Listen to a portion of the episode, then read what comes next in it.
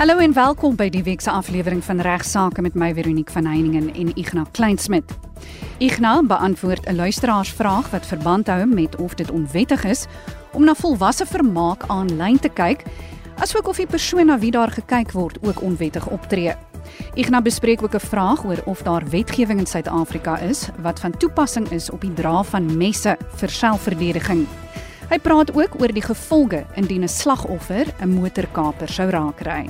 Jy mag jou lewe en soms ook jou goedere beskerm. In die tweede deel van regsaake bespreek my spesialis gas, Esmerie McCallahan van van Velden Duffy Prokureurs in Rustenburg, twee onderwerpe, naamlik erfenisdag en ons grondwet, en later praat sy oor laster met 'n spesifieke fokus op sosiale media plasings.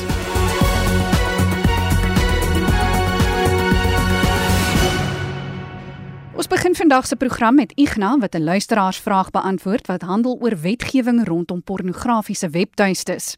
Die luisteraar is deur sy vrou uitgevang toe hy besig was om een van hierdie webtuistes te besoek. Ja, goeiemôre aan almal wat ingeskakel is. Baie dankie daarvoor en ook goeiemôre aan jou Veronique en die Alubeker span. My eerste briefie wat ek kry is nogal 'n kostelike en 'n amusante skryfstyl en ek kry dit van oom Gerald. Hy sê hy's van Valwater, maar ek vermoed hy gebruik 'n skuilnaam en ek is seker dat dalk ook 'n skuildorp. Hy sê hy is 76 en hy sê die plesiertjies in die lewe maar raak vir hom al hoe minder. Sy ou vriend het hom toe vertel van 'n internet webwerf. Ek gaan maar die naam nie noem nie want ek is baie bang dat ek ander luisteraars ook in die versoeking gaan lei want uh, jy weet Oscar Wilde het uh, so mooi ding gesê. Hy het gesê ek kan alles weerstaan behalwe versoeking. Dis seker maar baie op ons van toepassing. Maar hy toe gaan kyk na hierdie webwerf en hulle bied volwasse vermaak aan en jy kan dan vra wat jy eintlik wil hê, waarna jy graag wil kyk en hy het sê hy wil graag kyk het na iemand wat baie mooi aantrek en hy het gevra vir 'n seksie verpleegsters uniform ensovoorts en hy sê hy het dit baie geniet maar uh, sy vrou het hom uitgevang en ek lyk dit vir my sy maat se vrou het hulle uitgevang en sy vrou dreig hom nou met die Suid-Afrikaanse polisie. Nou vra hy, hy skryf 'n ander goedjies ook, my vrou uiteindelik is dit nou onwettig om te kyk. Dit kan tog nie wees nie. Al wat hy gedoen het en dan vra hy ook en tree die mense waarna hy kyk onwettig op. Want onthou sê hy daar's geen fisiese kontak nie, is alles net op die internet.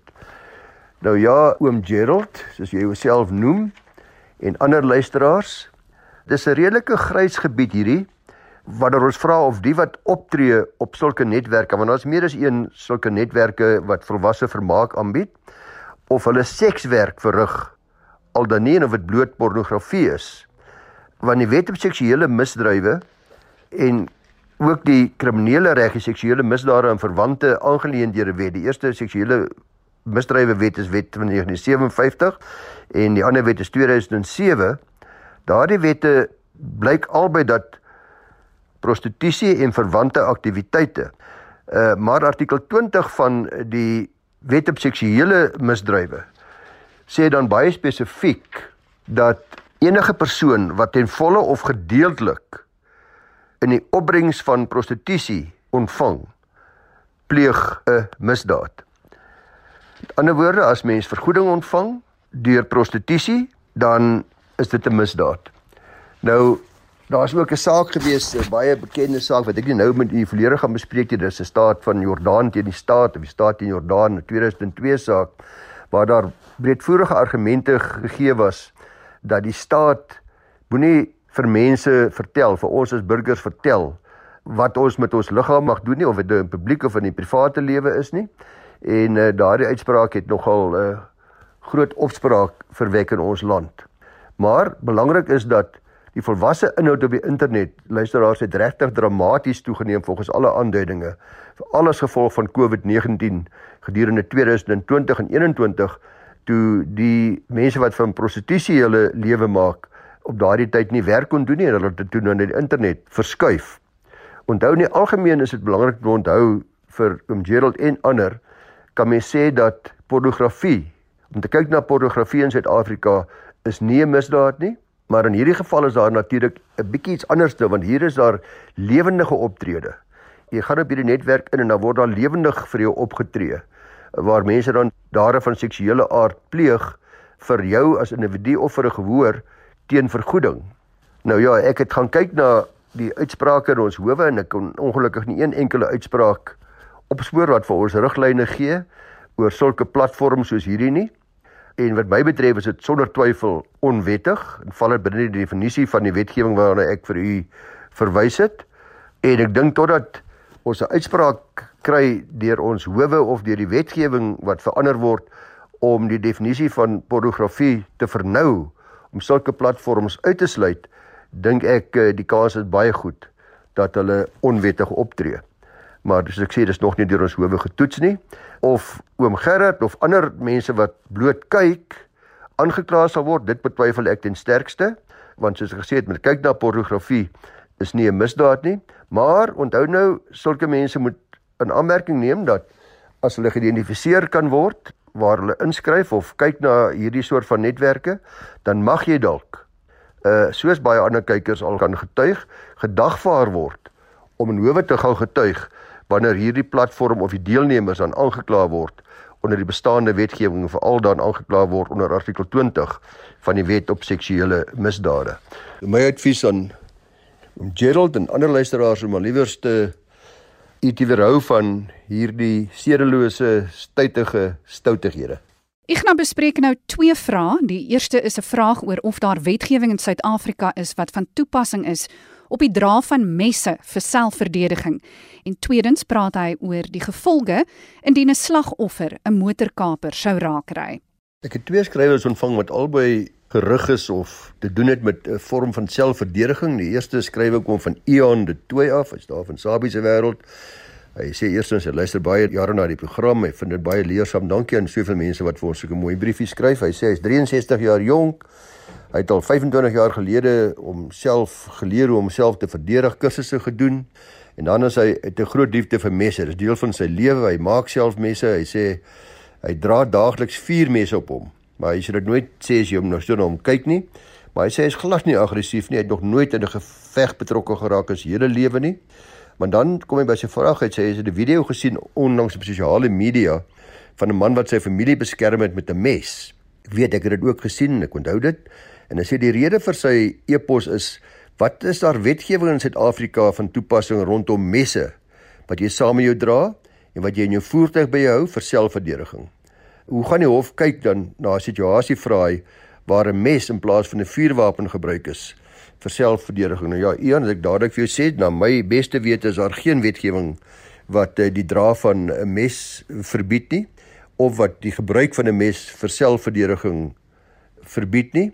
Daar's ook baie selfverdedigingswapens wat soms soos 'n uh, ware vuurwapen lyk en uh, nogal kan seer en skrik maak waarvoor daar geen lisensiering in terme van wetgewing nodig is nie. En al hierdie wapens net soos messe is dis wettig om te dra om by jou te hê as jy jy wil gebruik vir selfverdediging en die gewone selfverdedigings reëls gaan daarop van toepassing wees waarop ek later bietjie meer sal sê as ek by die tweede skrywe kom want uh, wette op uh, beheer en gebruik en besit en stoor van vuurwapens is nie op messe of ander wapens waarvoor daar nie lisensiering nodig is van toepassing nie. 'n Ander briefie wat ek kry is van Kaal. Nel, hy sê dat uh is dit moontlik om te sê wat die gevolge is indien 'n motorkaper raak gery word deur 'n slagoffer of selfs doodgery word. Veral voor of na of gedurende die kaping. Hy gee voorbeelde. Hy sê kaper stop voor die slagoffer en spring uit met hulle vuurwapens. Die slagoffer natuurlik skrik, trap die petrol en hy een of meer kapers raak of kapers parkeer iemand vas, spring uit met vuurwapens en jy skrik weer en skielik uh, slaan die kapers op die vensters en dan begin jy wegry en die proses ry een of meer kapers raak of kapers derdens probeer kapers jou vas parkeer maar die slagoffer kom weg en hy jaag weg maar draai verder in die pad om na hy weggejaag het begin hy nou kwaad word en hy draai om hy jaag terug en hy begin met kapers se motor en die kapers self raak kry en hy beseer kapers nou ja die maklike reël Karel en tot 'n sekere mate ook in ons vorige briefskrywer is dat jy mag jou lewe en soms ook jou goedere beskerm. Geen probleem daarmee nie, maar jy mag nooit meer geweld gebruik as wat redelikerwys nodig is nie. Byvoorbeeld jy kan en behoort nie iemand 'n rower wat weghardloop na hy 'n roof gepleeg het in die rug skiet nie. Dis duidelik dat jy dan nie besig meer is om jou eie lewe te beskerm nie en in so 'n geval is daar geen dreigende gevaar vir jou lewe nie.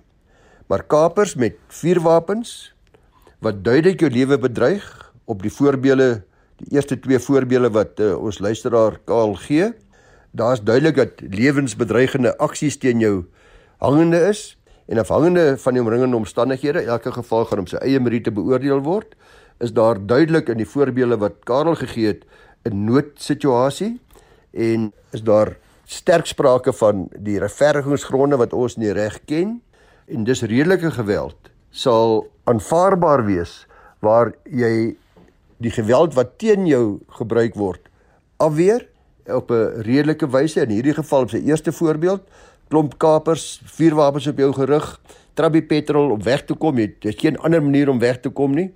En jy ry een of meer kapers raak.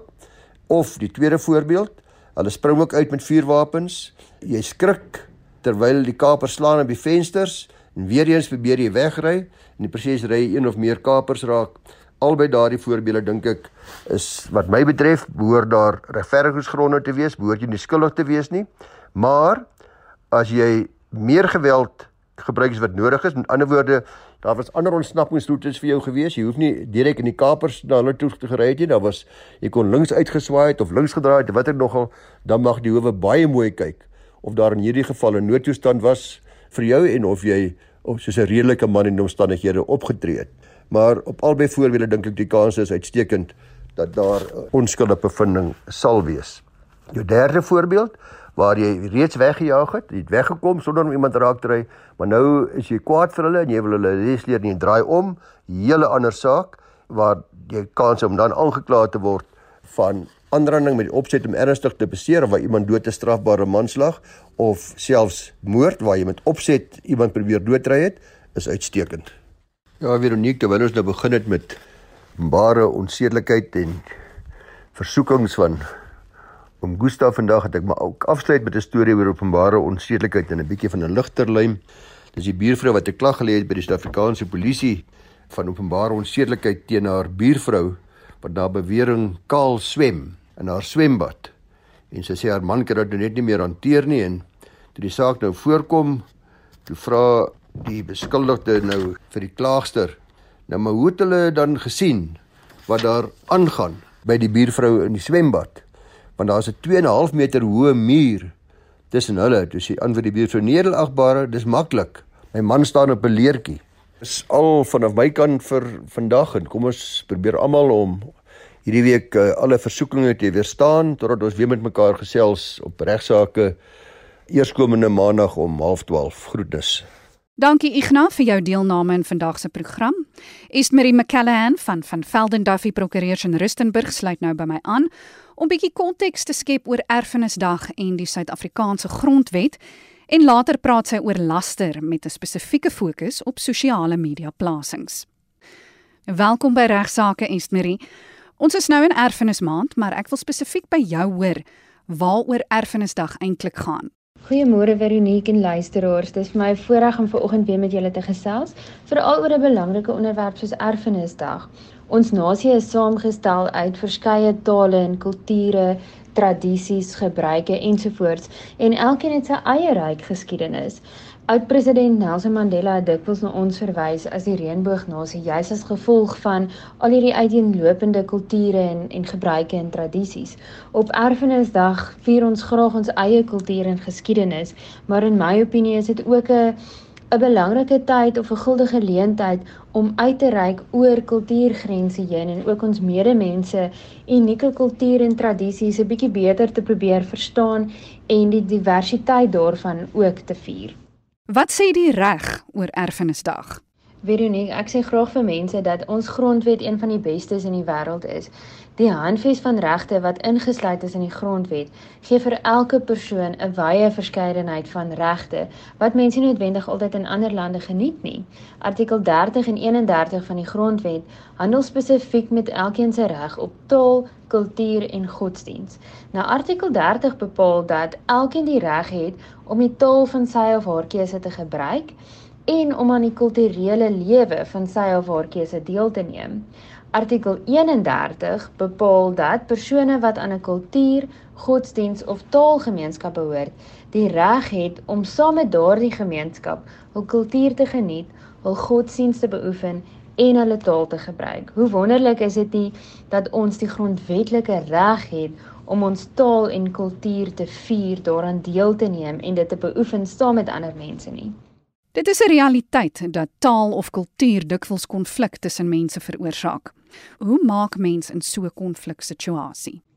Dis 'n belangrike vraag want howe sit dikwels met die situasie waar twee teenstrydige partye se regte te mekaar opgeweeg moet word en dit is soms 'n baie moeilike situasie waarin 'n regter homself sal bevind. Ons grondwetlike regte is nie absoluut nie en dit kan beperk word in sommige gevalle. Beide artikel 30 en 31 wat ek reeds genoem het, bevat 'n interne beperking wat bepaal dat hierdie reg op jou taal en kultuur en godsdiens nie so uitgeoefen mag word dat dit inbreuk maak op 'n ander een se regte nie. Buiten vir hierdie interne beperkings kan ons ook kyk na artikel 36 van die grondwet wat die algemene beperkingsklausule is. Nou hierdie artikel bepaal dat jou regte beperk kan word kragtens 'n algemeen geldende regsvoorskrif in 'n mate waarin die beperking redelik en regverdigbaar is. Nou daar's verskeie faktore wat 'n hof in ag sal neem om te bepaal of die beperking redelik en regverdigbaar is, maar faktore wat die hof byvoorbeeld in ag sal neem is elkeen se reg op menswaardigheid, gelykheid en vryheid. Menswaardigheid, gelykheid en vryheid is drie baie belangrike beginsels. Dit is demokratiese beginsels waarop ons land gefundeer is. So jy sien dikwels daardie drie beginsels word in ag geneem deur die hof in baie situasies. Ek dink die kort en die lank van hierdie is dat ons het die guldige geleentheid op Erfenisdag om nie net ons eie kultuur en tradisies te vier nie, maar ook om oor die kultuurgrense heen uit te reik om ons medemens se kultuur en tradisies te respekteer, bietjie meer daarvan te leer en sodat ons sodoende almal in vrede en met verdraagsaamheid teenoor mekaar kan saamleef. Dankie Estmarie vir die kortlikse verduideliking uit 'n regsperspektief oor erfenis in Suid-Afrika. Nou praat ons oor laster, maar wat is laster nou eintlik? Laster is die onregmatige opsetlike publikasie van woorde of gedrag rakende 'n ander persoon wat die gevolg het dat daardie persoon se aansien, goeie naam of reputasie skade aangedoen word. Die toets wat die hof gewoonlik gebruik om te bepaal of iets lasterlik is of nie, is of die redelike persoon met algemene intelligensie die woorde of gedrag as lasterlik sou beskou. Nou Esmerie, wat van sosiale media plasings? Kan dit my moontlik in die moeilikheid laat beland? Jou sosiale media plasing kan jou beslis in die moeilikheid kry vir laster. Sosiale media moenie gesien word as die plek waar jy kan doen en sê wat jy wil sonder nagevolge nie. In die afgelope paar jaar was daar menigte sake in die hof wat gegaan het oor lasterlike plasings op sosiale media. Byvoorbeeld, in die saak van Harold teen Wills, het die hof Wills beveel om 'n lasterlike plasing van haar Facebook af te haal waarin sy aangevoer het dat Harold 'n onbevoegde ouer was sonder dat daar enige bewyse daarvan was. Wat is die outeur van die plasing iemand anders is en ek deel net sy of haar plasing op my eie sosiale media blad? Jy hoef nie noodwendig die outeur van die plasing te wees om jouself skuldig te maak aan laster nie. As jy 'n lasterlike plasing van iemand anders deel op jou sosiale media bladsy, kan jy ook aanspreeklik gehou word vir laster. En dieselfde beginsel geld daarvoor as jy op WhatsApp 'n boodskap aanstuur wat 'n lasterlike bewering bevat. Goed, dankie Estmarie en net laastens Kan ek afgedank word vir negatiewe of lasterlike plasings oor my werkgewer? Daar bestaan wel 'n moontlikheid dat jy afgedank kan word vir plasings op sosiale media. Baie maatskappye het 'n beleid wat bepaal dat geen rassistiese, seksistiese, homofobiese of enige ander diskriminerende opmerkings geduld sal word nie, ongeag of daardie opmerkings op kantoor gemaak word of nie. Byvoorbeeld in 2011 was daar 'n saak waarin twee werknemers afgedank was omdat hulle lasterlike plasings oor hulle werkgewer op sosiale media geplaas het. Maar jy hoef nie net plasings te maak oor jou werkgewer vir jou om in die moeilikheid te kom by die werk nie. Algemene diskriminerende of lasterlike plasings kan jou ook in die moeilikheid kry by die werk. In 2018 byvoorbeeld was 'n polisielid afgedank omdat hy op sosiale media 'n plasing gemaak het wat geweld teenoor 'n sekere groep aangehits het. So dit was nie eers 'n plasing wat gegaan het direk oor sy werkgewer nie. So dit is baie belangrik dat jy mooi seker maak wat jou werkgewer se uitdruklike beleid rondom sosiale media plasings is. Selfs al het jou werkgewer nie 'n uitdruklike beleid oor sosiale media plasings nie, moet jy onthou dat jy steeds in die moeilikheid gaan kom vir laster indien jou plasing neerkom op laster. Dit is ongelukkig waar ek die program nou moet afsluit. Dankie aan Ignas Kleinsmid en Estmarie McCallahan, beide van van Velden Duffy Prokureurs, vir julle deelname in vandag se program. Vir enige navrae stuur gerus 'n e-pos na my toe by vero@rsg.co.za. Van my Veronique van Heiningen groete tot volgende week.